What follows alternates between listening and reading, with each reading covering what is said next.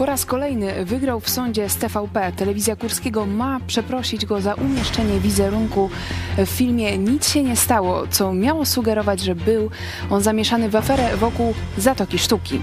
Chodzi o Krzysztofa Skibę, który od lat ma na pięku z Jackiem Kurskim. Pytanie, dlaczego?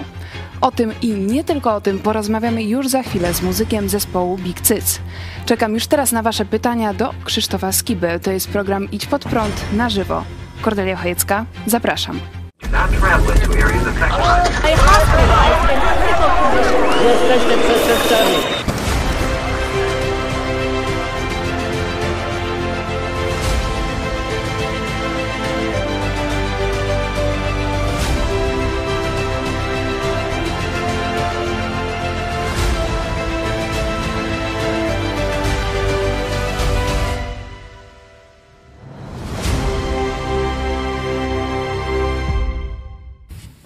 Witajcie w telewizji Idź Pod Prąd. Jest piątek, y, mamy wakacje i dzisiaj z nami wyjątkowy gość, którego z jednej strony myślę, że wielu Polakom nie trzeba przedstawiać, a z drugiej strony jest to e, bardzo bogata osobowość, o czym mam nadzieję dzisiaj się e, przekonamy. Jest z nami Krzysztof e, Skiba, lider zespołu Big Cyc, wokalista rockowy, satyryk, publicysta, felietonista, autor happeningów. Nie wymieniłam wszystkich tytułów. Witam serdecznie. Witam, dzień dobry, witam Państwa. Dzień dobry, ze mną również w studio pastor Paweł Chojecki, redaktor naczelny telewizji Idź Pod Prąd. Witam, Witam Cię również. bardzo serdecznie również. Myślę, że dzisiejszy program e, może być zaskoczeniem dla naszych widzów. E, Tym bardziej zachęcam Was już teraz do zadawania pytań, pisania komentarzy. Jesteśmy na YouTubie, na czacie, na żywo możecie pisać, a także w mediach społecznościowych z hashtagiem IPPTV. Panie Krzysztofie, e, kilka dni temu wygrał Pan e, kolejny e, proces z TVP. Zarówno Pan, jak i Jacek Kurski są z Gdańska. I moje pytanie, czy to przypadek, czy rzeczywiście ma Pan coś osobistego przeciwko Kurskiemu? Osobistego absolutnie nie. Ja nie, nie znałem go w latach e, e, 80. E, On chodził do innego liceum. Jesteśmy z Gdańska, mamy wspólnych znajomych. E, Natomiast on chodził do liceum numer 3, e, takiego dosyć znanego, takiej tak zwanej Topolówki w Gdańsku, a ja chodziłem do jedynki. E, Być może, ale to tak żartobliwie powiem, no, do jedynki chodził Aleksander Hall i Donald Tusk. Oni są starsi ode mnie o, o, o 10 lat. Natomiast no, to, to, to nie jest ta linia podziału, nie o to chodzi. Natomiast no, Jacek Kurski znany jest ze swoich ma- manipulacji medialnych. To jest człowiek, który był w siedmiu partiach. To jest człowiek, który był dwukrotnie skazany za sądownie, za mówienie nieprawdy w kampaniach wyborczych. To jest e, specjalista od manipulowania e, mediami. Jaka jest telewizja za jego prezesury, to chyba widzimy, bo no, e, chyba za czasów e, PRL-u e, takich zakłamań nawet e, i takiej ostrej propagandy e, nawet wówczas właśnie za generała Jaruzelskiego nie było jak jest, jak jest teraz. Ale to jest oczywiście opinia, można mieć różne opinie i są tacy pewnie, którym się ta e, telewizja e, podoba. Nato- Natomiast no, ten mój konflikt nie jest w kategorii e, podobania się czy nie podobania się i to nie jest konflikt z jakiś osobisty z Jackiem Kurskiem, e, absolutnie nie. E, To jest po prostu te, te procesy, które ja mam e, są z paragrafu 212, czyli to jest ten słynny paragraf o, o pomówienie, o właśnie mówienie nieprawdy na jakiś, na jakiś e, temat. E, To oczywiście prawnicy tu się spierają, czy, czy to, czy to jest jakiś archaiczny paragraf, czy, czy on nie jest za czasów teraz PiSu nadużywany. A chodzi konkretnie o, bo zaraz powiem o tym najnowszym procesie, który wygrałem, ale te pierwsze procesy, które miałem, no to właśnie wytoczyła mi telewizja polska za moje wypowiedzi, za moje wpisy na Facebooku, e, a głównie za wypowiedź dla telewizji Polsat w dniu śmierci prezydenta Gdańska Pawła Adamowicza który był moim kolegą szkolnym, którego znałem czasów podstawówki, z czasów liceum, właśnie w słynnej jedynce razem chodziliśmy. On chodził o klasę niżej, to znaczy był rok młodszy.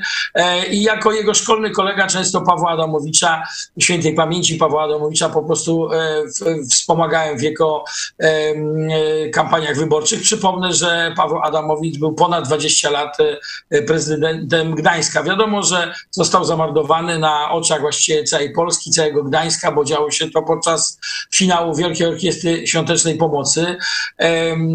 Morderca e, jest zatrzymany, ale nie, nie ma jeszcze, no toczy się proces.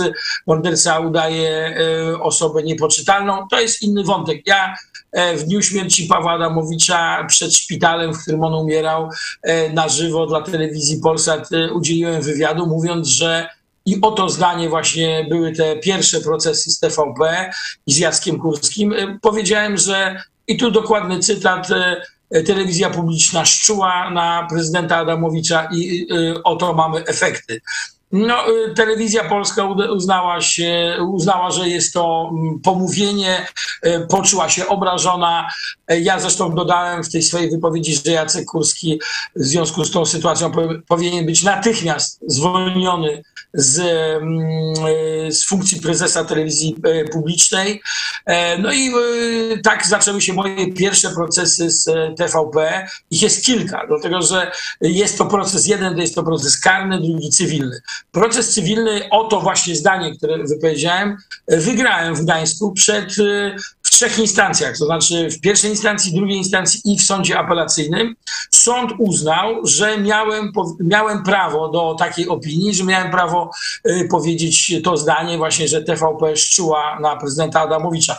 W trakcie procesu, w toku procesu, ja i moi prawnicy i moi świadkowie udowodniliśmy, a świadkiem był, e, byli, byli przyjaciele Pawła Adamowicza, e, był brat Pawła Adamowicza, byli ludzie, od, specjaliści od mediów, były, byli świadkowie zbrodni, była rzecznik prasowa, była rzecznik prasowa prezydenta, więc to są ludzie, którzy no, blisko znali prezydenta i, i, i widzieli, co się dzieje. Byli tam także przedstawiciele środowisk dziennikarskich, przedstawiciele Towarzystwa Dziennikarskiego, który monitorował, to towarzystwo monitoruje monitoruje to, co się dzieje na antenie TVP e, w sensie właśnie przekazu e, politycznego, tego zmanipulowanego, że to nie ma nic wspólnego. Pozwolę sobie wejść e, w słowo, bo to rzeczywiście jest mowa o poprzednim procesie, zanim przejdziemy do tego, który teraz się dzieje. Chciałam zapytać o jakieś osobiste spotkania z Jackiem Kurskim. Czy w czasie trwania tych procesów miał Pan okazję spotkać się z nim osobiście i porozmawiać, żeby też no, nie było tych kolejnych procesów, żeby nie było tych, tego konfliktu?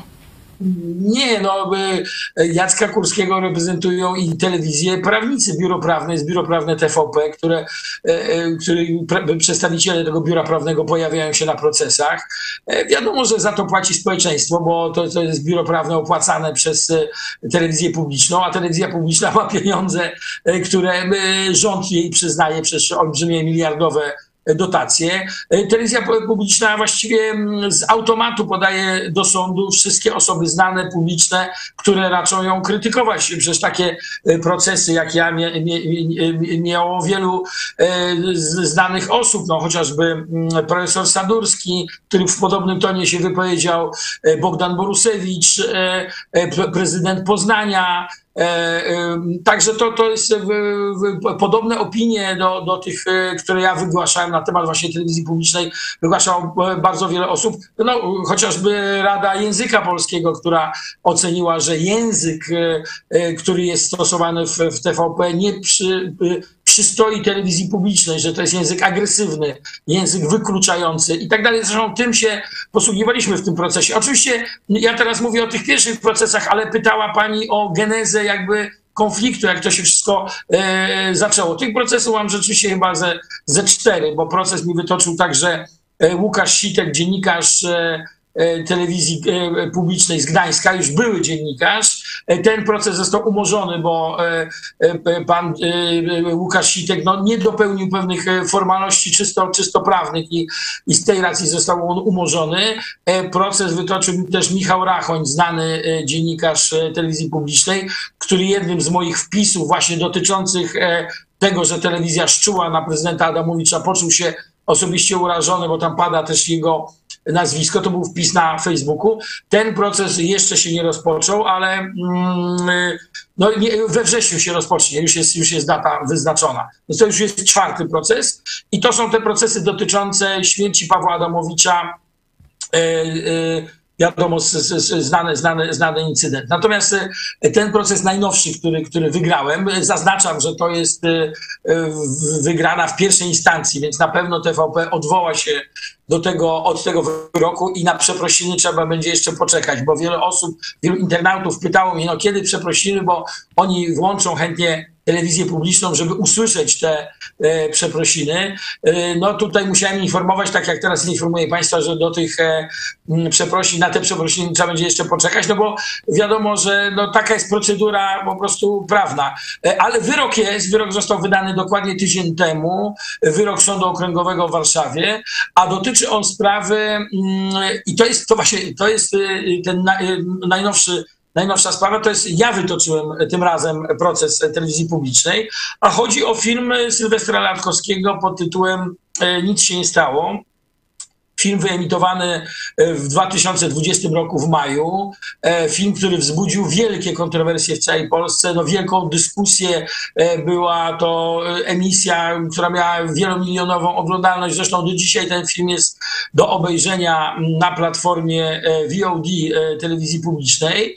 E, a chodziło głównie o to, że e, oczywiście sprawa dotyczy bardzo przykrych e, incydentów, które miały miejsce w Zatoce Sztuki w Sopocie. To jest znany klub, który teraz zmienił nazwę, ale funkcjonował tam kilkanaście lat, w którym działy się różne wydarzenia kulturalne, koncerty, imprezy, no ale także miały miejsce właśnie za, za, no jeden, jeden czy więcej tego, tego nie, nie ustalono, na pewno jeden, bo siedzi sprawca, no, wykorzystywał swoją pozycję w klubie i e, molestował e, nieletnie, kilkunastoletnie dziewczyny. E, no i to jest słynna sprawa łowcy nastolatek, opisywana przez Gazetę Wyborczą, przez właściwie, wiem, że Polsa zrobił na ten temat film, e, właściwie cała prasa, całe media tą sprawę opisywały i po kilku latach, bodajże po dwóch latach, kiedy to zostało już, został nakręcony film i napisana książka, dziennikarze Gazety Wyborczej napisali na ten temat książkę, e, jakby Sylwester Latkowski wrócił do tego tematu. E, wrócił do tego tematu, tylko w specyficzny sposób. I o ile cała tragedia tych dziewczyn jest e, no, smutna i przerażająca, e, o tyle nagle umieszczenie około 20 artystów zdjęć, wizerunków tym filmie miało sugerować, że te osoby coś mają wspólnego z tą działalnością w Zatoce Sztuki, coś miały wspólnego albo coś wiedzą. No narracja była taka, że w zasadzie prawdopodobnie my byliśmy w to jakoś zamieszani. No oskarżenie o pedofilię jest chyba najgorszym, y, najcięższym oskarżeniem, jakie można y, postawić y, w Polsce osobie publicznej. To już w ogóle nie ma tutaj, o ile wiadomo, postawy w rodzaju jazda pod wpływem alkoholu i tak dalej. Są e, również potępiane społecznie, jak to miało przy, e, ten przykład z Beaty Kozidrak bardzo głośny i tak dalej to również spotyka się z wielkim potępieniem opinii publicznej. Natomiast no, pedofilia to jest w ogóle coś, co wyklucza. To jest w ogóle taka osoba jest w, według no, obowiązujących standardów jakby no, skazana na, na, na, na potępienie i na wykluczenie życia publicznego. Tu warto zaznaczyć, że ten film Nic się nie stało Sylwestra Latkowskiego pojawił się na antenie TVP kilka dni po emisji filmu Braci Sekielskich e, Zabawa wchowanego, także to rzeczywiście o tym e, też było głośno, że to było zestawienie tych e, dwóch produkcji. Ja chciałam na chwilę odejść od tych konkretnych spraw i zastanowić się, co możemy zrobić, w zasadzie co należałoby zrobić, żeby nie było potrzeby wytaczania tych kolejnych procesów. Tutaj pozwolę sobie nadmienić, że nasz Kościół, Kościół Nowego Przymierza w Lublinie, właściciel telewizji Iść Pod Prąd, miał również proces z TVP. Wygraliśmy rok temu e, to był proces za nazwanie naszego kościoła e, tajemniczą e, sektą z Dublina. Sąd Okręgowy w Warszawie uznał TVP za winnej tej sytuacji. Pastor Paweł Chojcki, do Ciebie pytanie, co należy by zrobić, żeby nie wiem, w jakiś sposób zachęcić TVP, żeby, mm, żeby była telewizją rzeczywiście różnych opcji, nie tylko jednej opcji Ja tu absolutnie nie mam nadziei do TVP, niezależnie pod jakimi rządami by była. To jest twór komunistyczny przez kiedyś Urbana nadzorowana e, i tu się niewiele e, zmieniło, jeśli chodzi o system. Partia przejmuje władzę, partia obsadza telewizję, partia robi propagandę. E, Stąd jedynym rozwiązaniem, żeby e, telewizja nie służyła biskupom i partii rządzącej jest likwidacja telewizji rządowej. No, nie, ja nie mam innego pomysłu ani rozwiązania. Krzysztof Skiba, czy zgadza się pan z tym postulatem, żeby zlikwidować TVP? Telewizje publiczne funkcjonują w e, różnych krajach, tak e, chociażby jak Anglia, słynna telewizja BBC, i, e, tylko tam jest jakaś taka rada nadzorcza, która pilnuje standardów, mówi się nawet standardy BBC, to są takie właśnie wyśrubowane standardy em, dziennikarskie. Przypomnę, że my również mamy na papierze, mamy to wszystko ładnie zapisane i tutaj mogę przypomnieć, jest przecież ustawa o e, radiofonii i telewizji i według tej ustawy jest taki piękny punkt, który mówi o tym, że dziennikarz telewizji publicznej powinien być e, wiarygodny, powinien być e, em, przyjaźnie nastawiony do e, e, rzeczywistości w tym sensie, że powinien być rzetelny, że każdy materiał e, powinien być robiony rzetelnie, że jeżeli się robi jakiś materiał krytyczny, e, to trzeba wysłuchać wielu stron, e, a właśnie m, telewizja publiczna no, jakby łamie tą ustawę o radiofonii i telewizji i jest bardzo jednostronna. Ja się zgadzam, że to jest, przypomina telewizję komunistyczną z e, starych czasów, a nawet fachowcy od mediów twierdzą, że Jacek Kurski no tutaj e, poszedł bardzo o, o, o wiele bardziej e, ostrze i, i o ile w tej telewizji komunistycznej z czasów PRL-u e, ta propaganda była oczywiście, ale oprócz tego były, były też e, wysokiej klasy programy artystyczne, chociażby teatr telewizji, czy i spektakle teatru telewizji, czy niektóre koncerty, czy e, programy e, edukacyjne. One stały naprawdę na wysokim poziomie. No dzisiaj mamy tak seriale tureckie, jakieś e, koncerty disco polo, e, no i do tego propaganda, tak? Czyli czy- tak, tak to wygląda. E, Jednak telewizja publiczna powinna lansować troszkę może wyższy model, model kultury, a przynajmniej znaleźć dla niego miejsce. Myślę, że wracając do tego jeszcze, do tej mojej sprawy, znaczy no em, Zobaczmy, jak, jak, e, jak to wszystko działa. Ja może opiszę, jak wyglądał proces. Otóż e, pan Sylwester Latkowski, ani żaden z przedstawicieli telewizji, tylko prawnicy pojawiali się na procesie. Czyli można człowieka obsmarować w, e, w, w telewizji, a potem, jak ten człowiek e, obrażony e, wytacza proces, to e, no, osoby, które są wzywane przez sąd jako świadkowie się nie pojawiają. Jak gdybym zrobił film, jakiś dokumentalny czy jakikolwiek inny i ktoś by mu zarzucał, że to jest film kłamliwy, to broniłbym tego filmu przed sądami e, wszystkich e, krajów świata. Natomiast e, no, pan Latkowski zachowywał się jak dziecko takie szk- no, ze szkoły podstawowej, znaczy e, przysyłał jakieś zwolnienia lekarskie, raz mówił, że na kolejnej rozprawie, kiedy miał zeznawać jako świadek, mówił, że jego e, laptop, jego komputer został zahakowany przez hakerów, e, później, że ma COVID i tak dalej. Nie pojawił się na żadnej rozprawie. Myślę, że to jest, e, daje do myślenia, tak? Osoba, która, która ma bronić swojego filmu, która ma twierdzić, że to jest film e, prawdziwy, że e, no, to, to, to nie, nie, nie stanie się, u- unika konfrontacji z prawdą. Właśnie oni unikają konfrontacji z prawdą i e, tak to, tak to wygląda. No, zobaczymy, na pewno telewizja się odwoła, będą kolejne procesy. To jest już kolejny proces wygrany ze mną z, z telewizją publiczną. Jak temu zaradzić? No, myślę, że po prostu e, na, przyszło, na, na, na przyszłość trzeba stworzyć, ja bym może telewizji publicznej nie likwidował, bo jednak e, byśmy byli skazani tylko i wyłącznie na e, no, telewizje komercyjne. E, Jednak telewizja publiczna ma pewną misję, chociażby taką misję, żeby promować kulturę polską, promować e, muzykę polską e, i przede wszystkim te, telewizja publiczna przez lata to była całkiem przyzwoita e, telewizja. Oczywiście za różnych rządów i za PSL-u, i za Platformy, i za SLD były pewne e, przychylne czy pewne przegięcia, mówiąc językiem młodzieżowym, w kierunku e, danej partii, ale dzisiaj to jest telewizja absolutnie dyspozycyjna. E, Tam ciężko powiedzieć, że ci ludzie, którzy tam pracują, są dziennikarzami, to są po prostu propagandyści w moim odczuciu. Jeszcze, jeśli mogę wrócić do tych czasów naszej młodości, bo odwołujemy się do PRL-u w tych porównaniach, e, użył pan mm, takiego określenia generał Jaruzelski. Nie? To mnie troszkę zafrapowało, no bo e, człowiek z pomarańczowej alterna- alternatywy powinien powiedzieć Jaruzel albo coś e, w tym stylu. Czy tu nastąpiła jakaś, jakaś zmiana w, w pańskim podejściu do, do tej historii zbrodniarza komunistycznego, czy to jakoś inaczej można tłumaczyć? Nie no, jesteśmy w telewizji e, pod prąd i myślę, że nie każdy z e, widzów, internautów, którzy nas teraz obserwuje, mógłby to określenie znać. Dlatego użyłem e, no, na, na- najbardziej szeroko takiego określenia właściwego. Oczywiście generał Jaruzelski, zwany przez nas w tamtych czasach Jaruzelem, miał różne określenia i nawet bardziej zabawne. Mówiono Jaruzelski smok wawelski, albo mówiono spawacz, co już dzisiaj nie, nie, nie, wszyscy kojarzą o co chodzi, bo chodził w takich ciemnych, ciemnych e, okularach.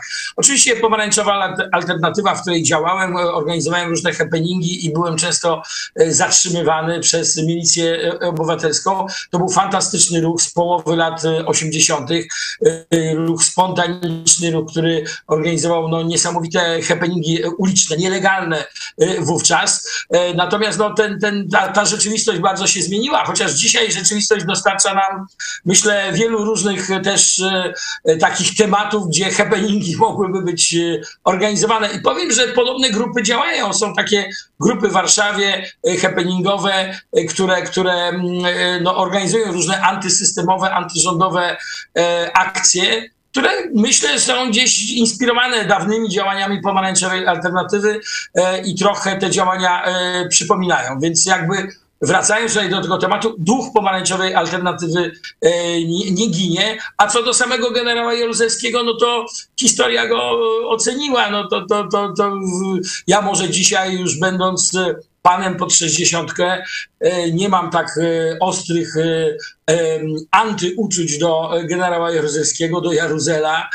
Natomiast no, oceniam jego postać zdecydowanie negatywnie historii. To on wprowadził stan wojenny, to on jakby dokonał e, polskiej samoinwazji, e, był e, osobnikiem absolutnie dyspozycyjnym e, władzom w Moskwie i jak wiemy był także, oprócz tego, że był żołnierzem, był działał w, po prostu w, najpierw w zwiadzie, a później w, właśnie no, w takich służbach które były bezpośrednio podlegały Moskwie. Także to był ich e, zaufany człowiek. Ja, ja, to, to jest zresztą tragiczna postać i postać niesamowita e, dla historyków, dlatego że jego rodzina, przecież jego ojciec był ofiarą ter- terroru stalinowskiego i, i, i zmarł, na, na, na, zginął na, na, na Syberii, czyli jego rodzina ucierpiała z powodu właśnie komunistycznych represji, a on sam był przez całe swoje życie wierny właśnie komunizmowi. Więc to jest zastanawiające, ale wydaje mi się, że to jest em, temat już dla historyków, e, dla być może, nie wiem, może także psychologów. psychologów, być może jakieś duchowe też analizy tego syndromu możemy prowadzić, no to pozwoli pan, że jeszcze pana trochę pocisnę. Pan premier Buzek i pana Tyłek, nie? Znana e, sprawa, spotkanie w Spodku, zdaje się, e, katowickim właśnie tych dwóch rzeczywistości. E, I chyba po 20 latach, jak pan przyznał za namową Moniki Olejnik, czyli też z tego obozu powiedzmy takiego liberalno związanego jeszcze troszeczkę z PRL-em, pan przeprasza, no to może i fajne takie zdjęcie wspólne, ale czy to nie świadczy, że, że z tej takiej mm, właśnie pomarańczowej alternatywy, z takiego jasnego antykomunizmu, przechodzi pan powoli do obozu tego dzisiaj związanego e, z tamtą starą opcją? Ja nie przychodzę do żadnego obozu. Ja nie jestem politykiem, nie jestem radnym, nie jestem posłem i nigdy nie byłem, nigdy nie będę. Na, na, nawet nie mam ambicji, żeby być e, e sołtysem e, czy prezydentem. W związku z tym e, określenie przechodzę do jakiegoś obozu nie, nie, jest chyba troszkę mylące. E, po prostu to, była czysty, to był czysto taki ludzki odruch. E, ważne są okoliczności.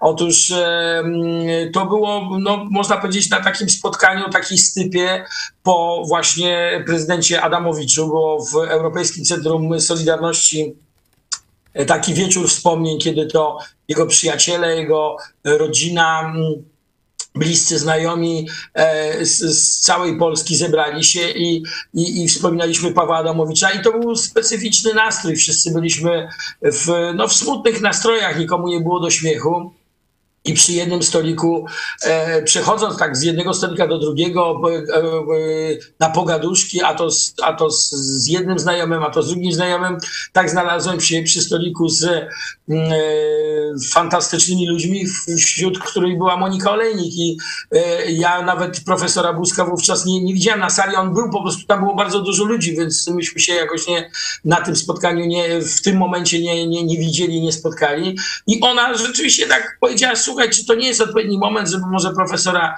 e, przeprosić za ten, za ten happening, no to, to, to pokazanie tyłka nie było może zbyt eleganckie. Ja to nazywałem happeningiem, ale e, jak sam pan dobrze wie, robiłem lepsze happeningi e, w czasach PRL-u, chociażby happening e, galopująca inflacja, który notabene dzisiaj, e, no jak się okazuje... Powtórzyć. Tak, panie Krzysztofie, właśnie e, kiedy przygotowywałam się do tego wywiadu, tak pomyślałam, że zapytam pana, czy dzisiaj pan by powtórzył ten happening, galopująca inflacja? Był nawet taki pomysł, zgłosiła się do mnie taka grupa e, właśnie opozycyjna. E, być może to zrobimy, no na razie stwierdziliśmy, że po prostu jakoś ten, odłożyliśmy to na później. Mówi się, że e, właśnie inflacja szczytować będzie w, w październiku i w listopadzie listopadzie, e, że, że wtedy dopiero no, przekroczy na pewno ten próg 20%, chociaż niektórzy fachowcy mówią, że już jest te 20%, e, e, oficjalnie jest chyba 16%. Rzeczywiście to jest happening uniwersalny. Muszę się tutaj troszkę pochwalić. W 2008 roku na egzaminie mm, maturalnym z wiedzy o społeczeństwie.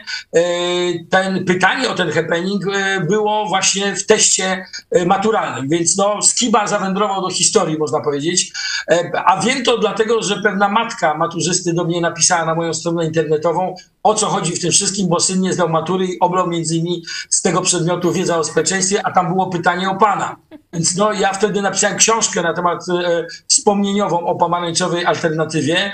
Książki już nie ma w księgarniach, możemy ją spokojnie reklamować, może gdzieś na Allegro można ją kupić. Nazywa się komisariat naszym domem, pomarańczowa historia. I to jest właśnie coś, co dla mojego pokolenia były oczywiste. Pewne właśnie te określenia Jaruzel, określenia Buda, czyli, e, czy Loduwa, czyli to są określenia e, takich tych wozów e, milicyjnych. Pewne określenia z czasów stanu wojennego, pewne okoliczności stanu wojennego i także te happeningi pomarańczowej alternatywy. Ta rzeczywistość była dla nas no, jakby oczywista i zrozumiała. Natomiast no, dzisiaj świat się zupełnie zmienił od tego czasu i rzeczywiście uznałem, że warto napisać taką książkę, żeby być może pomóc niektórym maturzystom, którzy mogą mieć jakieś wątpliwości co do e, właśnie tych happeningów, tych akcji, o co tu chodziło i e, czym to się jadło. To, to był fantastyczny okres e, w moim życiu.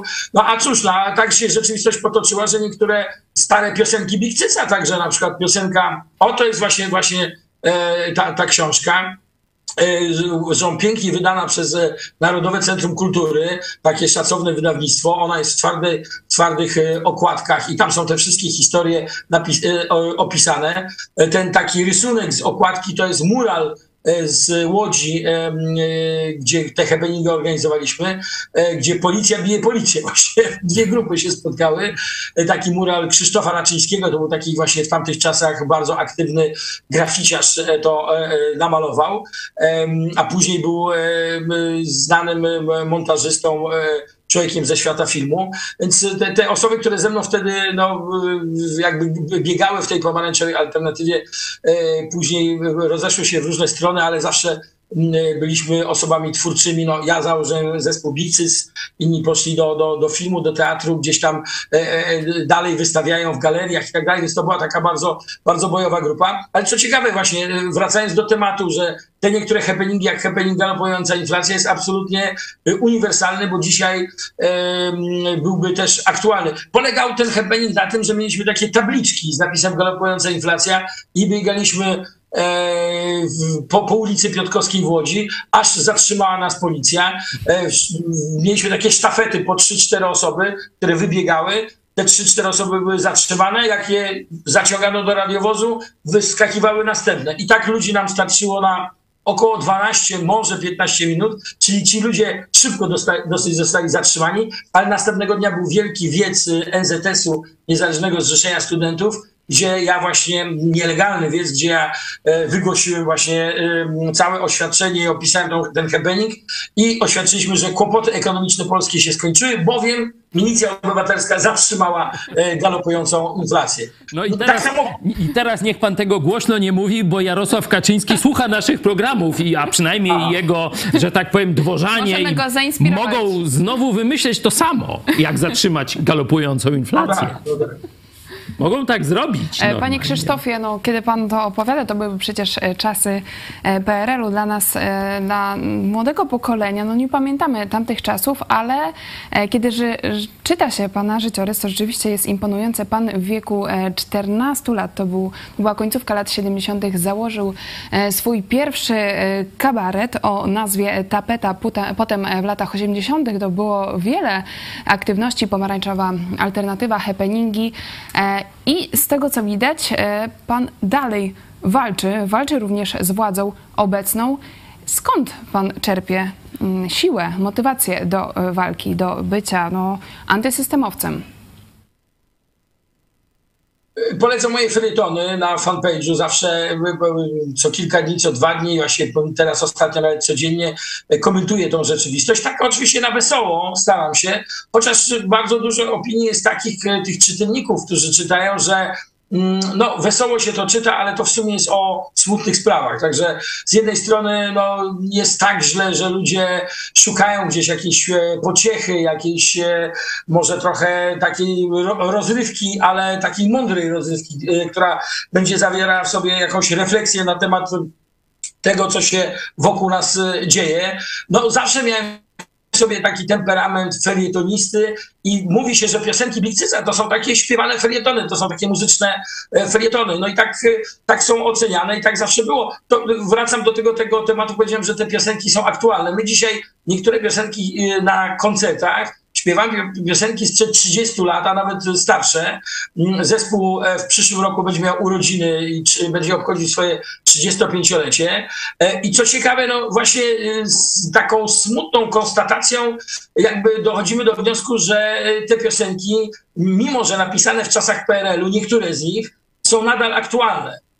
Na przykład piosenka chociażby e, piosenka góralska, która mówi o właśnie zomowcach, która, e, gdzie tam młodzież goniła się zomo i dla kamuflażu była nazwana piosenką góralską, bo był to taki kamuflaż literacki, że niby chodzi o górali. No przecież dzisiaj też milicja, policja, przepraszam, bo milicja była wtedy, no jakby likwiduje czy, czy zwalcza różne demonstracje młodzieżowe, nie tylko, no wszystkie opozycyjne są albo ci ludzie są szarpani, albo zatrzymywani, albo gdzieś wywożeni e, za miasto, co miało miejsce w czasie przecież strajku kobiet, e, to, to są metody rodem z PRL-u, prawda? To są, to są metody, które no, wydawało mi się, że w demokratycznej Polsce tego nigdy, naprawdę nigdy, nigdy nie będzie, a te metody wróciły. No już nie mówię o słynnym Pegasusie, czyli słynnym systemie, który nas wszystkich podsłuchuje i na pewno dzisiaj też nas podsłuchują i oglądają. No, Więc tak, no, trochę to jest takie smutne, że... Podsłuchiwać dajemy na no, żywo. Tak, tak, no,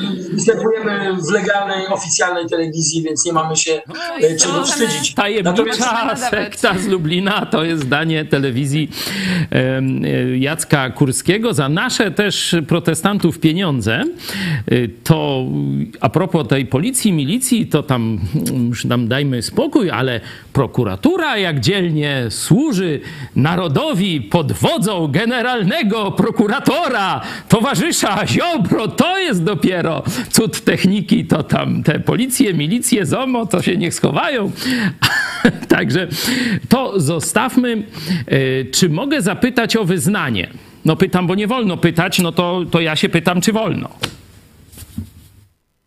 Ja jestem e, człowiekiem wątpiącym. E, zarejestrowany jestem jako rzymski katolik, jestem ochrzczony, mam bierzmowanie i, i, i wszystkie te sakramenty, że tak powiem, katolickie są za mną, znaczy są spełnione. Natomiast no, ja należę chyba do tej naj, naj, największej grupy, takich, którzy są jakby no niczynnymi katolikami. Znaczy po prostu te, te sprawy religijne na skutek właśnie także chyba zachowań niektórych biskupów, czy, którzy kryją pedofilię, którzy żyją w zbytku, którzy e, no, bardziej mają przed oczami dochody, monety, dobra tego świata niż e, sprawy związane z, z wiarą.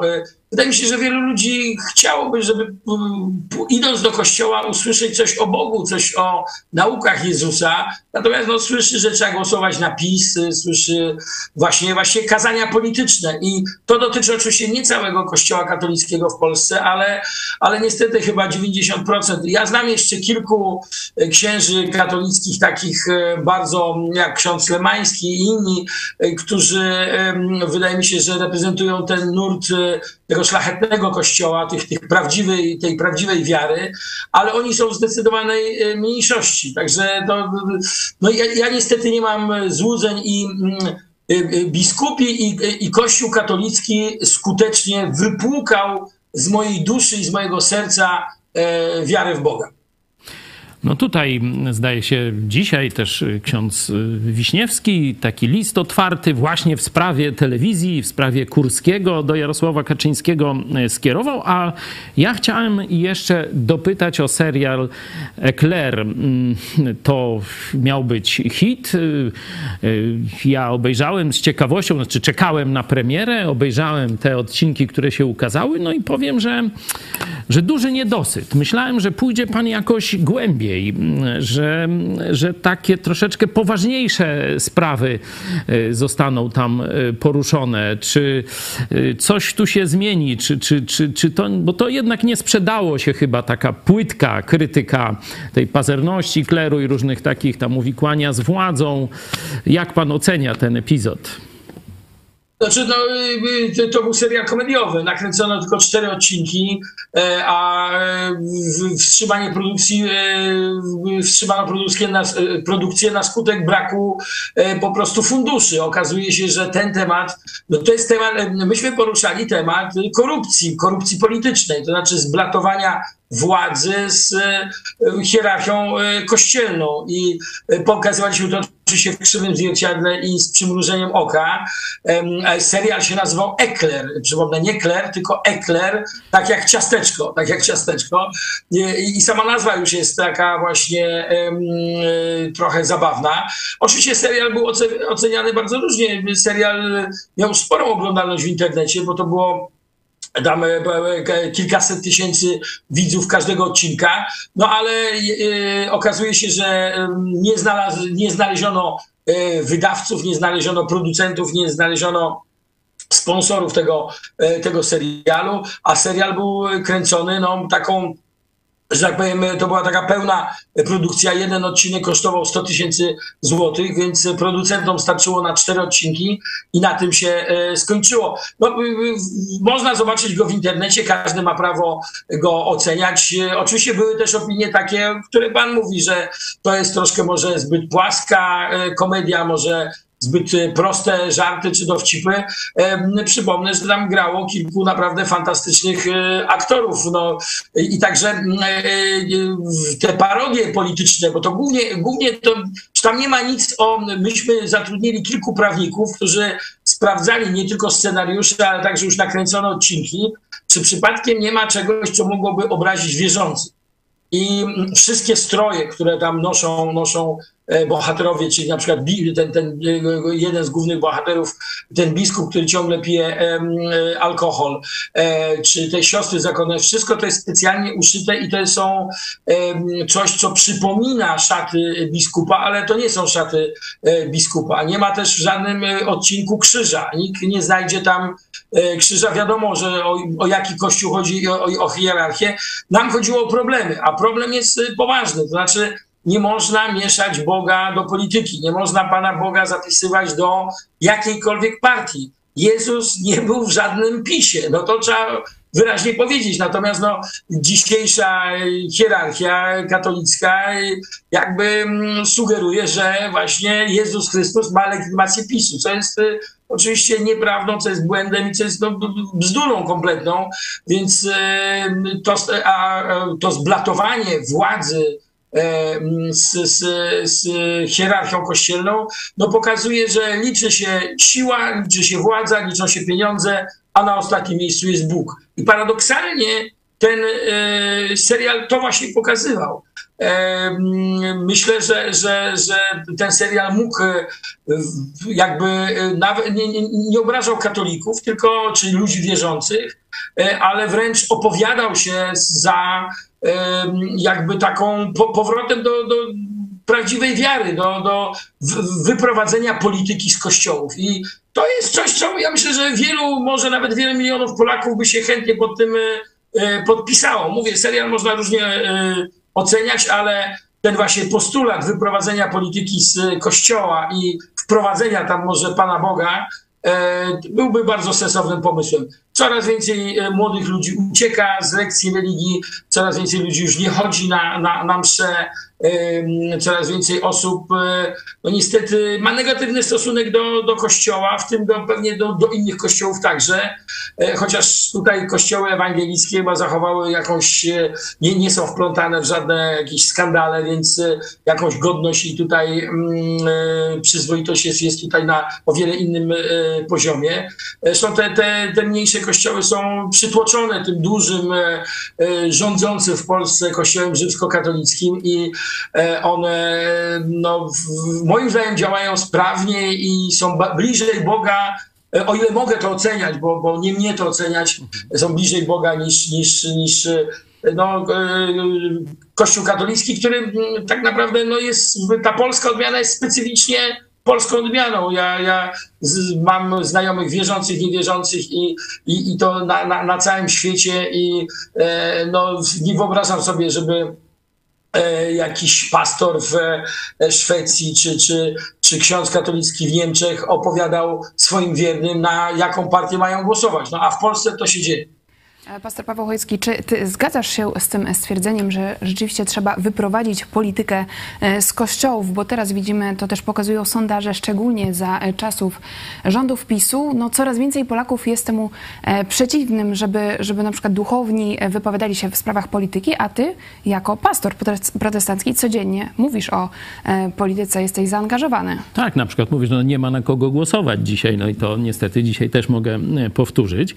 Na pewno zgadzam się z tą częścią dotyczącą partyjniactwa e, Kościoła katolickiego i zblatowania z władzą, bo tu nie chodzi o uprawianie polityki w sensie wartości, że na przykład Kościół głosi, żeby były niskie podatki, no bo to przecież Biblia głosi, nie? Albo żeby była wolność, żeby była własność prywatna, nie? No to też jest polityka e, i tu się pewnie obaj zgodzimy, że no Jezus o tym mówił i cała Biblia jest pełna tego typu e, wypowiedzi co do wartości świata E, polityki.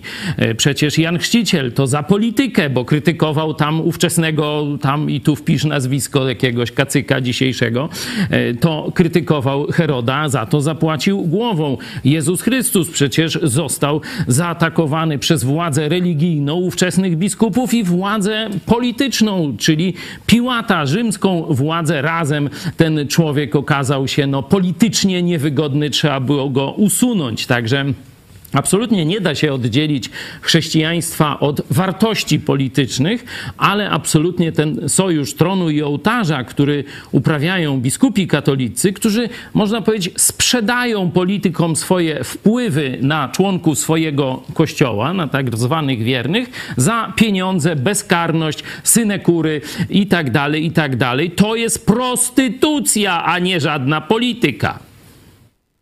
No tak, tak. No, przecież wszyscy wiemy dokładnie o dotacjach e, dla ojca Tadeusza Ryzyka. To są miliony, to są no, potężne miliony, za które on e, jakby robi swoje własne interesy. Przecież prowadzi tam e, kawiarnie, hotele, także domy spokojnej starości. To wszystko ma wymiar komercyjny i to jest dalekie od, od wiary. No, jest to taki wielki odkurzacz, który zasysa te, te, te pieniądze od państwa. No cały ten interes już opisany przez wiele mediów, interes e, geotermalny, tak, się okazuje, że on jest w ogóle nieopłacalny. Natomiast no, no, wydano na to miliony. No jak nieopłacalny, jak tyle milionów dostali za to. Noż to, no tak, no, noż opłacalny i to najwyższej, można powiedzieć, skali zwrotu. Tak, tak, tak. Wydaje mi się, że, że no jest pewien bezwstyd, jest pewien bezwstyd, e, jeżeli chodzi o hierarchię kościelną e, w tym, tym e, wyciąganiu pieniędzy. Także sprawa ziemi, no przecież to jest, to jest bardzo znana sprawa, że, że Kościół najpierw po 89 roku na skutek różnych tam porozumień, konkordatu i tak dalej otrzymywał ziemię od państwa, ale niby te ziemie, które zabrali komuniści, ale teraz jakby ciągle są takie naciski, żeby miasta dawały darmowe działki, darmowe darmowe działki właśnie e, e, poszczególnym parafiom i te parafie okazało się, że to nie była sprawa jednorazowa, tylko te parafie e, co roku zgłaszają nowe pretensje i znamy takie przypadki w każdym mieście. No ja wiem, że w Gdańsku też był taki, taki centralny plac, który został za jedną, za symboliczną złotówkę oddany i pewnej parafii i żeby tam coś powstało, ale on dalej jakby no jest tam, leży u gór, nikt tam nic nie robi. Myślę, że, że, że po prostu księża czekają, aż jeszcze bardziej wzrośnie e, cena tego, tego, tej, tej, tej ziemi i ostatecznie tam zbudowany będzie jakiś hipermarket. No więc takie rzeczy ludzi e, jednak trochę kują e, w serce, bo, bo przecież nie o to chodziło, a to, że mm, na temat spraw społecznych y, y, księża się powinni wypowiadać, to jest y, oczywiste. Ludzie są zagubieni. Żyjemy w czasach, kiedy to bombardują nas różne informacje, a to internet, a to radio, a to telewizja, tego jest bardzo dużo. Tych stacji telewizyjnych przecież jest mnóstwo i ta, te informacje spadają nam na głowę. Jesteśmy także no jakby atakowani tymi fake newsami. Często są to newsy, właśnie informacje zmyślone, czy, czy, czy takie nieprawdziwe ludzie są zagubieni, to jest, to jest naturalne. I wydawałoby się, że kościele powinni znaleźć jakąś, jakąś prawdę, jakieś pocieszenie, jakieś pocieszenie duszy. Tymczasem no, nie znajdują tam tego, znajdują tam po prostu e, agitację e, polityczną. I e, tak, Chrystus tak, Chrystus był działaczem politycznym, można powiedzieć, bo był buntownikiem. Chrystus był buntownikiem, oczywiście. Tak pewnie, pewnie dzisiaj też by się buntował.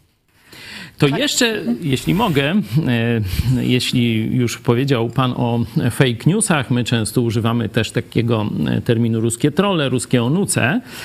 E, mieliśmy obaj na koncie, no powiedzmy, pewien epizod czy rodzaj współpracy z Januszem Korwin-Mikke.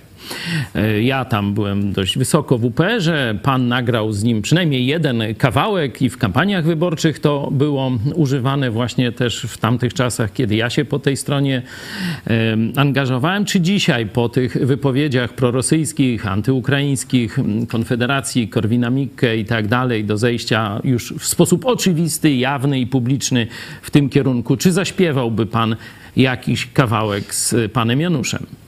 Y, ja bardzo ceniłem pana Janusza Korwina-Mikke jako publicystę, jako felietonistę. On tutaj był naprawdę wyśmienitym e, adwersarzem do różnych polemik, do różnych dyskusji. E, zwykle szedł pod prąd właśnie, tak jak nazwa waszej telewizji.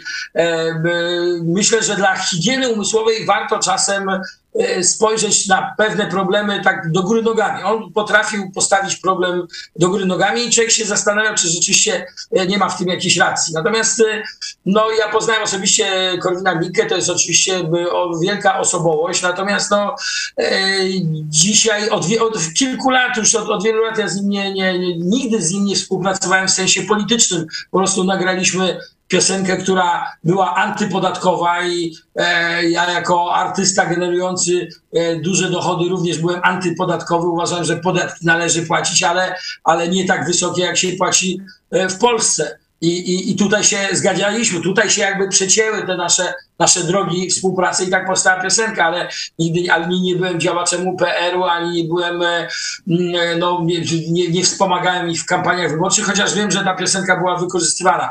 Natomiast e, no, trzeba to powiedzieć wprost, Janusz Korwin-Mikke to jest e, typowy skandalista, to jest człowiek, który ma duże zasięgi w internecie i żeby utrzymać te zasięgi, musi co jakiś czas powiedzieć coś kontrowersyjnego a to o tym, że trzeba bić dzieci, a to coś o Żydach, a to coś, coś takiego, co wzburzy opinię publiczną, gdzie wszyscy będą z tym e, e, polemizować, nie zgadzać się. I on chyba w moim pojęciu zapędził się w jakiś taki czarny róg, no nie wiem, doszedł do ściany i dzisiaj wszyscy są proukraińscy i, i, i solidaryzujemy się z Ukrainą, solidaryzujemy się e, przeciwko Putinowi, bo wiemy, że e, no, na, następną ofiarą może być Litwa, Łotwa, Estonia i właśnie Polska, więc e, wszyscy tutaj trzymamy kciuki za Ukraińców, którzy dzielnie sobie e, radzą.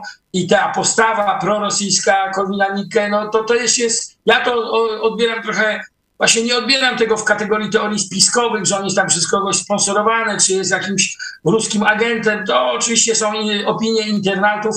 Moim zdaniem po prostu Janusz Korwin-Mikke tradycyjnie nie zgadza się z całym społeczeństwem i musi być e, zawsze, zawsze przeciwko.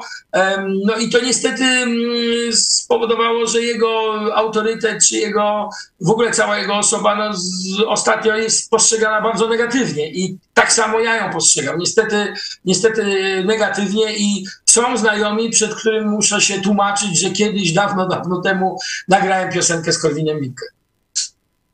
Panie Krzysztofie, e, mówimy o zmianach, dynamicznych zmianach w Polakach, w młodym pokoleniu. E, to pokażmy teraz fragment e, utworu Ministrant Czarnek, ministrant edukacji zespołu Big Cyc. Wracamy za chwilę.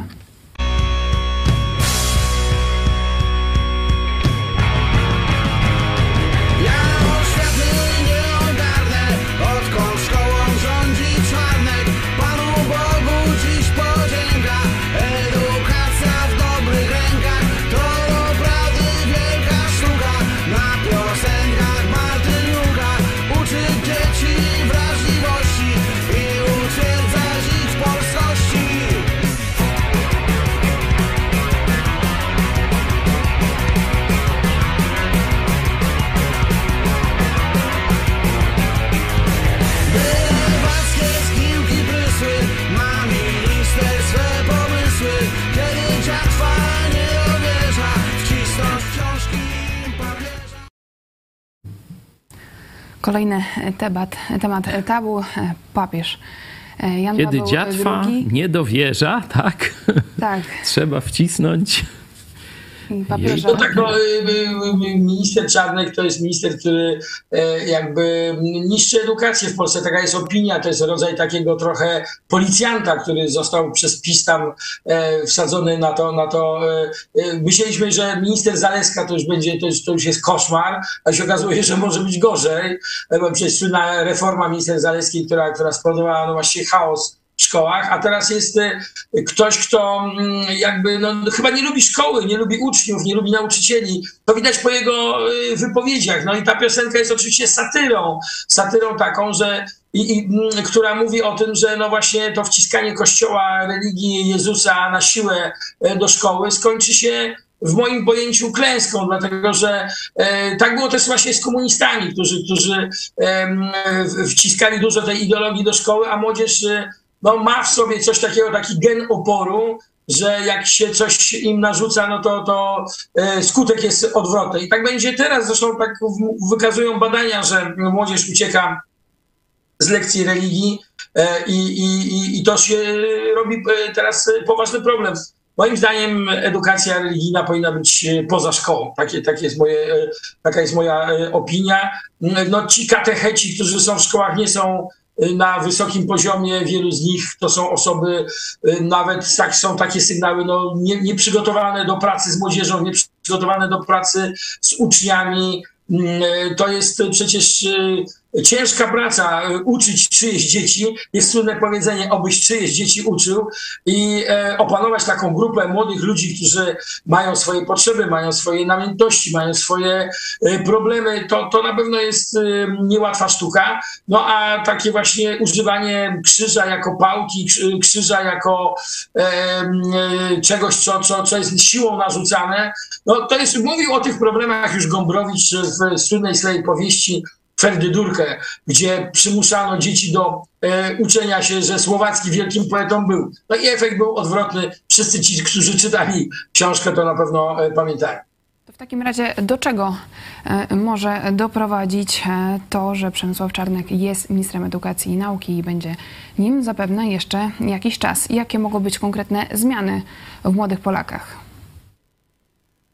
Znaczy no, zmiany. No, myślę, że po prostu młodzież, to, to jest taka e, syzyfowa praca. To jest takie właśnie wciskanie kamienia na górę, które zakończy się, e, da po prostu zupełnie odwrotny efekt. E, oczywiście teraz największym skandalem jest ten podręcznik, historia i, i teraźniejszość, zwany hitem, gdzie okazuje się, że to jest projekcja profesora Roszkowskiego, jakaś jego, jego poglądy, ideologia, które to w ogóle nie ma, nie ma cech podręcznika, bo to jest rodzaj jakiegoś takiego mm, i zupełnie zideologizowanego, e, zideologizowanej książki, która no po prostu preferuje, która jakby przedstawia poglądy autora, a, a podręcznik powinien jednak być wyważony, i e, uczyć prawdziwej historii. No, wystarczy dodać, że tam w historii Solidarności nie ma Lecha Wałęsy, a jest e, e, pan Kaczyński, jest pan Duda. No to jest w ogóle śmieszne, tak?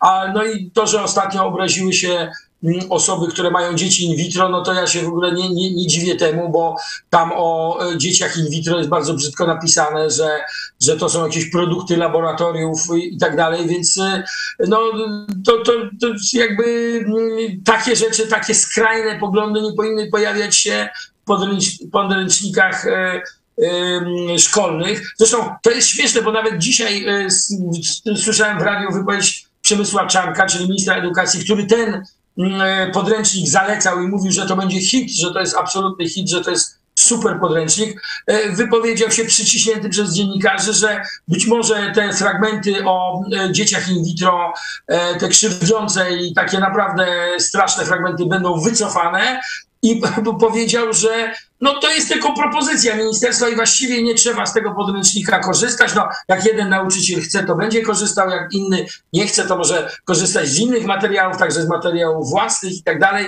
Więc no, to jest śmieszne, bo, ministerstwo zatwierdza coś, co później jest, e, musi być korygowane. E, to, to widać, to jest typowa robota właśnie taka pisowska, czyli na kolanie, na szybko, wcisnąć swojego. E, oni też tak dopychają prawo kolanem, wszystko robią na szybko, no, a efekty później są takie, że, że te podręczniki trzeba wycofywać, się okazuje, że one są szkodliwe. No to jest szkodliwy minister.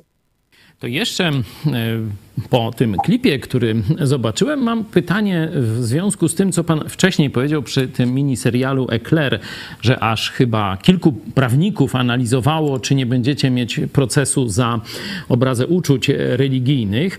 No ja taki proces mam. Prokuratura lubelska chyba 200 czy więcej stron kazań moich spisała. Znaczy ja je wygłosiłem, a oni tam je pospisywali. Ja na, za to muszę zapłacić w wyroku pierwszej instancji dam ponad 20 tysięcy chyba nawet za to spisanie kazań. Taniej bym to załatwił, no ale jakoś tak chcieli, nie wiem, czy zarobić, czy jak, że taką formę przyjęli.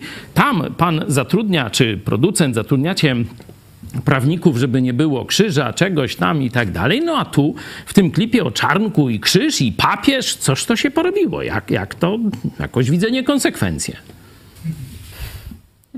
No, to jest produkcja Bigcyca. Tam to była produkcja e, telewizyjna e, agencji filmowej z Warszawy i oni widocznie mieli większe obawy. Natomiast ja uważam, że w tej, w tej e, e, piosence to jest satyra. No, to jest satyra, tu nie ma nic e, obraźliwego. To jest e, właściwie piosenka o obronie szkoły, o wolności szkoły, e, o tym, że no, mamy prawo o tym śpiewać. Jesteśmy polskim zespołem, mieszkamy tutaj, oceniamy rzeczywistość i e, to jest piosenka o złym ministrze, a nie o bo, bo to dla dobra religii będzie, jeżeli tej religii nie będzie w szkole. Naprawdę, jeżeli e, młodzi ludzie będą chodzili e, na, do, do, do, do pobierali religię w związkach religijnych, a nie, a nie w szkole, gdzie ona ma taki charakter, no właśnie no, powoli zbliżamy się do tego państwa troszkę wyznaniowego. Tak to, tak co, tak to oceniam. No, najpierw ma, to jest takie, takie małe kroczki. Najpierw matura była takim e, nieobowiązkowym e, przedmiotem, teraz jest już obowiązkowa.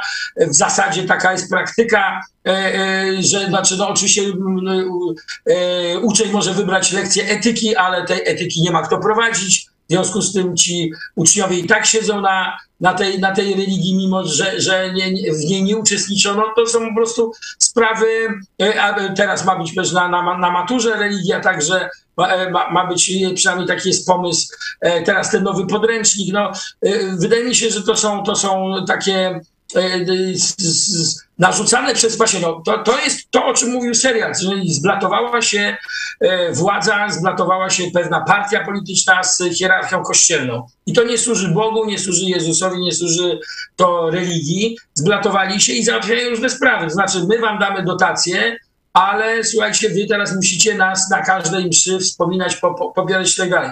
Aha, no dobrze, to my będziemy was wspominali, mówili, że jesteście naj, najwspanialszą partią, ale em, do szkół to tam wprowadźcie ten podręcznik. No i tak dalej, i tak dalej. To są takie e, system, system e, różnych e, haków i wzajemnych zależności. My wam tak, to my wam tutaj pomożemy i tak dalej. No niestety przykre, że tak wygląda dzisiejsza Polska.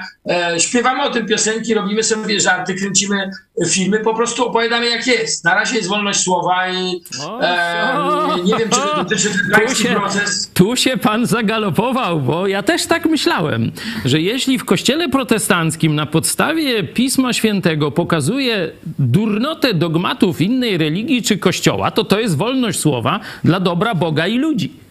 A prokuratura i sąd w Lublinie chcą mnie przekonać, że jest całkowicie inaczej. Oby pana wiara, że można takie teledyski nagrywać, okazała się rzeczywiście wiarą prawdziwą. Tego panu życzę. Ja też jeszcze nie dałem się przekonać sądowi ani prokuraturze w Lublinie. I dalej mówię te kazania. E, mamy pytania.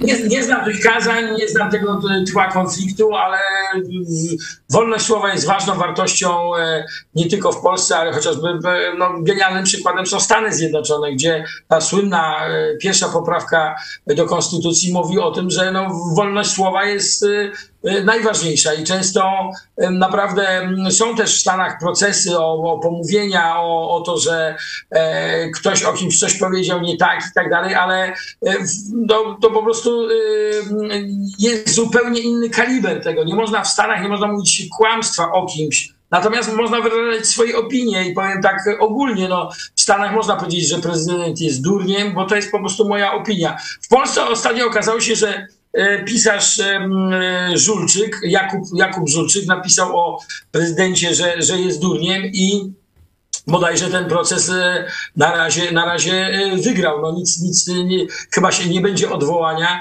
więc no, myślę, że Wolność słowa w Polsce jest zagrożona, to na pewno, to ma pan rację, czego dowodem właśnie to są te liczne procesy nękania ludzi, którzy mówią prawdę. Natomiast no i jeszcze, ten, ten, e, jeszcze oddychamy, jeszcze te resztki wolności słowa są i mam nadzieję, że tak będzie, że uda się te podstawowe wartości obywatelskie, e, wartości e, człowieka, właśnie jak, takie jak chociażby prawo do swobody wypowiedzi w Polsce utrzymać.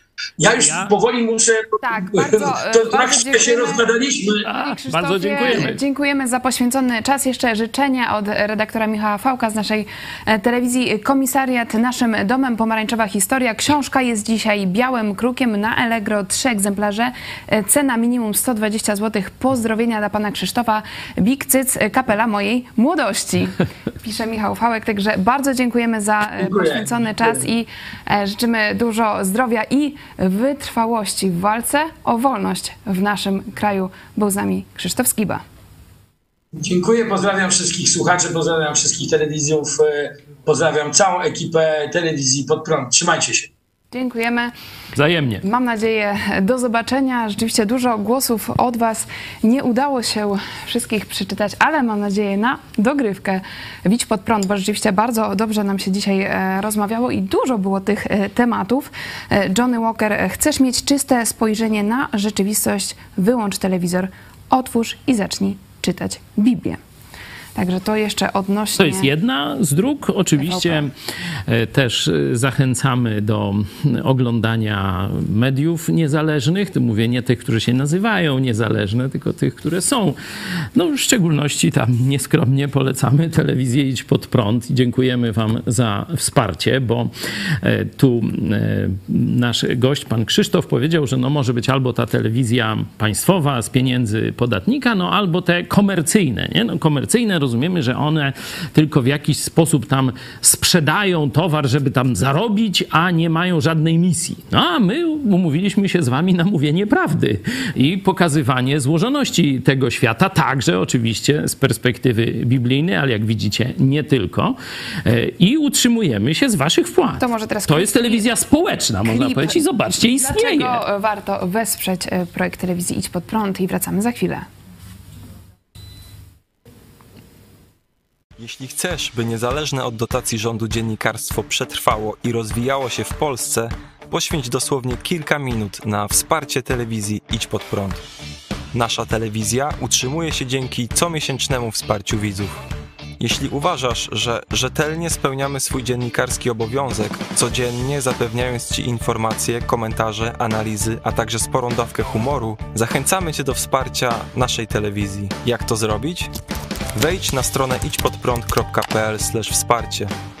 Wybierz cel wpłaty. Możesz jej dokonać przez DotPay, PayPal, Blik lub tradycyjnym przelewem z tytułem darowizna. Dziękujemy, że co miesiąc gra dla nas ponad tysiąc gitar, czyli tysiąc osób, które wspierają i tym samym współtworzą IPP TV. Gramy i gnamy dalej. Telewizję wspieram dlatego, że widzę po pierwsze jak są wydatkowane pieniądze przez ludzi, którzy, którzy mają ideę, którzy chcą coś zrobić dobrego dla Polski, są uczciwi i, i, i widać, widać, że idą w dobrym kierunku. To jest jedyna taka telewizja, która mówi prawdę w Polsce. To jest piękna idea. Nie szukam nikogo już innego jako źródła informacji, bo wiem, że na tej telewizji zawsze mogę polegać i nigdy się nie zawiodłam.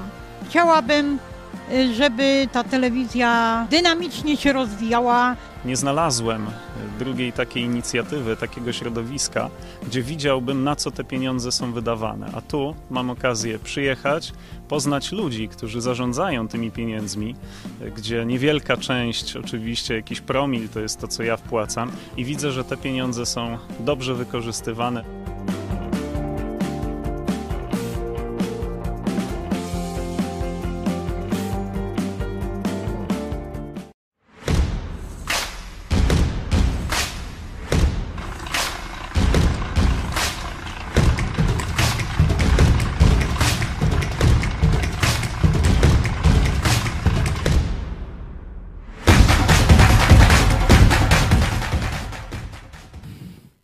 536 wpłat e, w sierpniu na projekt telewizji Idź Pod Prąd. Przed chwilą słyszeliście, dlaczego warto e, wspierać naszą telewizję i rzeczywiście dzisiaj też widzieliście w tym programie, że zapraszamy ludzi z różnych opcji e, światopoglądowych, ale przede wszystkim leży nam na sercu Polska. Działamy tutaj w studio w Lublinie, ale również mamy kluby Idź Pod Prąd w Polsce i wśród Polonii na całym świecie. Dlatego zachęcamy Was do wsparcia i wsparcie. Jesteśmy również na Patronajcie. E, I cel na ten miesiąc, jak co miesiąc, to jest e, tysiąc wpłat, także czekamy na Was i e, również czekamy na Wasze głosy, propozycje gości, których warto e, zapraszać do telewizji Idź Pod Prąd. My tutaj już przygotowujemy się do święta niepodległości Ukrainy w przyszłym tygodniu, 24 e, sierpnia i za chwilkę pokażemy Wam wypowiedź Mikołaja Rykowskiego, prezesa Fundacji Wolne Miejsce oraz pastora Henryka Skrzypkowskiego z Kościoła Chrześcijan Baptystów w Chełmie o narodzie ukraińskim i o pomocy Ukrainie, dlatego że te osoby są zaangażowane w codzienną pomoc uchodźcom z Ukrainy i również walczącym na Ukrainie. Także to nie są osoby, które gdzieś tam akcyjnie były zaangażowane, ale rzeczywiście no, poświęciły już Ukrainie e, wiele tygodni ze swojego życia, także to już za chwilę. Ja jeszcze przypomnę, że o 11.30 w najbliższą niedzielę czytamy Biblię razem z Wami na e, Placu Litewskim w Lublinie, także zachęcamy Was do przyjścia, do e, porozmawiania z nami. Na pewno będzie się działo jeszcze dzisiaj o 18. E, kolejny odcinek studiu listu do Koryntian, pierwszy list do Koryntian, pastor Paweł Chojecki, także zapraszamy Was również. Jeśli macie pytania, chcecie się z nami osobiście skontaktować, piszcie do nas na adres kontakt małpa Możecie również do nas zadzwonić. Już teraz, za chwilę na planszy e, pokaże się telefon. Jest również w naszym e, pasku informacyjnym na e, dolnej części ekranu.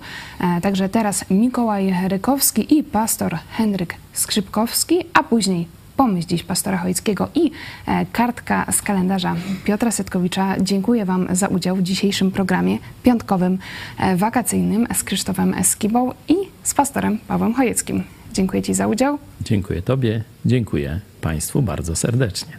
Do zobaczenia. My dzisiaj to, co widzimy po pół roku mm, pracy właśnie na granicy, widzimy to, że Ukraińcy mówią, że już tej wojny nie przegrają. E, że ta wojna to jest tylko kwestia czasu, ale Ukraina obroni się.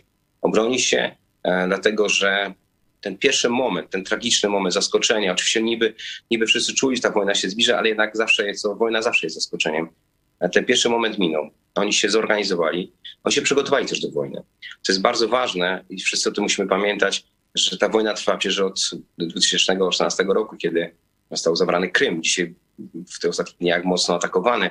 E, pokazuje, myślę, że Ukraińcy pokazują tym właśnie, że e, nie zapomnieli i nie oddadzą tego, co wcześniej zostało im wcześniej zabrane. To jest bardzo waleczny naród. To są ludzie, którzy potrafią żyć w ucisku.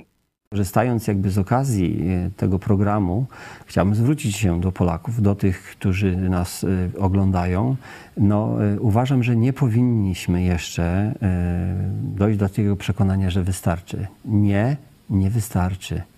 Uważam, że jako Polacy powinniśmy dalej być zaangażowani. Nasz, to prawda, że my mamy w Polsce inflację, nasz komfort życia i to bezpieczeństwo ekonomiczne jakby się obniża ale przez te moje wizyty na Ukrainie i kontakty, które mam, to zapewniam Państwa, że my żyjemy tutaj sobie, powiem kolokwialnie, jak u Pana Boga za piecem w porównaniu z milionami Ukraińców, którzy stracili domy. Są y, ludzie, miejsca, y, którzy dostają tylko i wyłącznie jedzenie, bo tam w wielu miejscowościach, w tysiącach miejscowości nie ma prądu, wody, kontaktu telefonicznego a ludzie żyją. I, i, I, jedyna pomoc, jaka przychodzi, to właśnie przez taką pomoc humanitarną. Tak, powinniśmy pomagać i jeszcze raz apeluję o tą pomoc. Z ruchu MT28 i służby finansowej Crown studiujemy list Jakuba. Widzicie, że dość często w ostatnich y, tygodniach odwołuje się do tego listu. To efekt tego studium. E, mówiłem o intrygach w kościele dwa dni temu. E, rzeczywiście, niezależnie od poziomu rozbudowania kościoła, czy jest to wielka organizacja odstępcza, spływająca złotem, e, kontakt, mająca konszachty z władzą polityczną, gdzie no, intrygi są na porządku dziennym, także zabójstwa, cudzołóstwa, no wszystko, co tam się, że tak powiem, potrafi wyobrazić, to się tam dzieje e, w tej organizacji religijnej, ale nawet w najmniejszej wspólnocie Pojawiają się intrygi, knowania, jakieś chore ambicje i tak dalej. Chociaż zysk jest niewielki, jakaś tam pozycja społeczna, poklask czy też dokuczenie komuś, komu się zazdrości. I to się działo już w pierwszym tym apostolskim kościele, dlatego Jakub w trzecim rozdziale mówi o tej gorzkiej zazdrości i właśnie tym, o tych intrygach, intrygowaniu w sercu i później e, w kościele przeciwko tym, którym zazdrościmy. Ale w piętnastym wersecie daje bardzo ważne ostrzeżenie. Mówi: Nie jest to mądrość, która z góry zstępuje nie Bóg tobą kieruje, lecz jest to mądrość przyziemna, zmysłowa, demoniczna. To piekło wtedy tobą kieruje. Jeśli to jest norma twojego postępowania, to zastanów się, kto jest twoim ojcem. Faryzeusze też myśleli, że mają w Abrahamie ojca, a Jezus mówi nie. Wasze czyny świadczą o tym, że waszym ojcem jest diabeł. Warto zdać sobie z tego sprawę.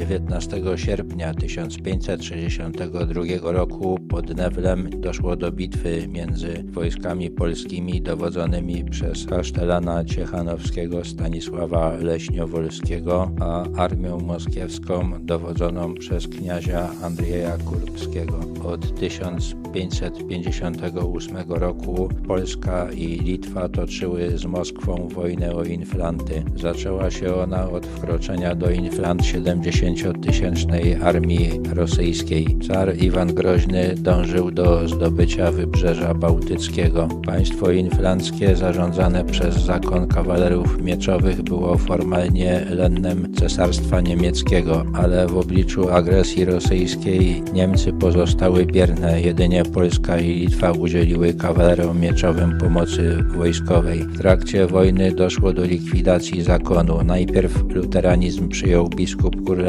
A potem wielki mistrz Gotthard Kettler, który uznał się za lennika Rzeczpospolitej. Pod Newlem, liczący około 4000 ludzi, oddział Leśniowolskiego utworzył warowny obóz. Armia Kurbskiego, która zaatakowała ten obóz, liczyła prawdopodobnie około 40 tysięcy Rosjan i Tatarów. Bitwa trwała przez cały dzień. Polacy umiejętnie wykorzystali sprzyjające im tereny. Rzeka uniemożliwiała Rosjanom obejście ich. Wielokrotnie szarżowali na liczniejszego przeciwnika, który w starciach wręcz nie wytrzymywał naporu Polaków. Pod wieczór do wojsk kurbskiego dołączyły kolejne oddziały, jednak pomimo przygniatającej przewagi Rosjanie nie odważyli się już atakować i Leśniowolski wycofał się bez przeszkód do Jezierzyszcz. W bitwie pod Newlem Polacy stracili 16 zabitych. Straty rosyjskie były wielokrotnie większe, prawdopodobnie 1500 zabitych. Dowodzący Rosjanami w tej bitwie kniaź Kurbski dwa lata później uciekł na Litwę.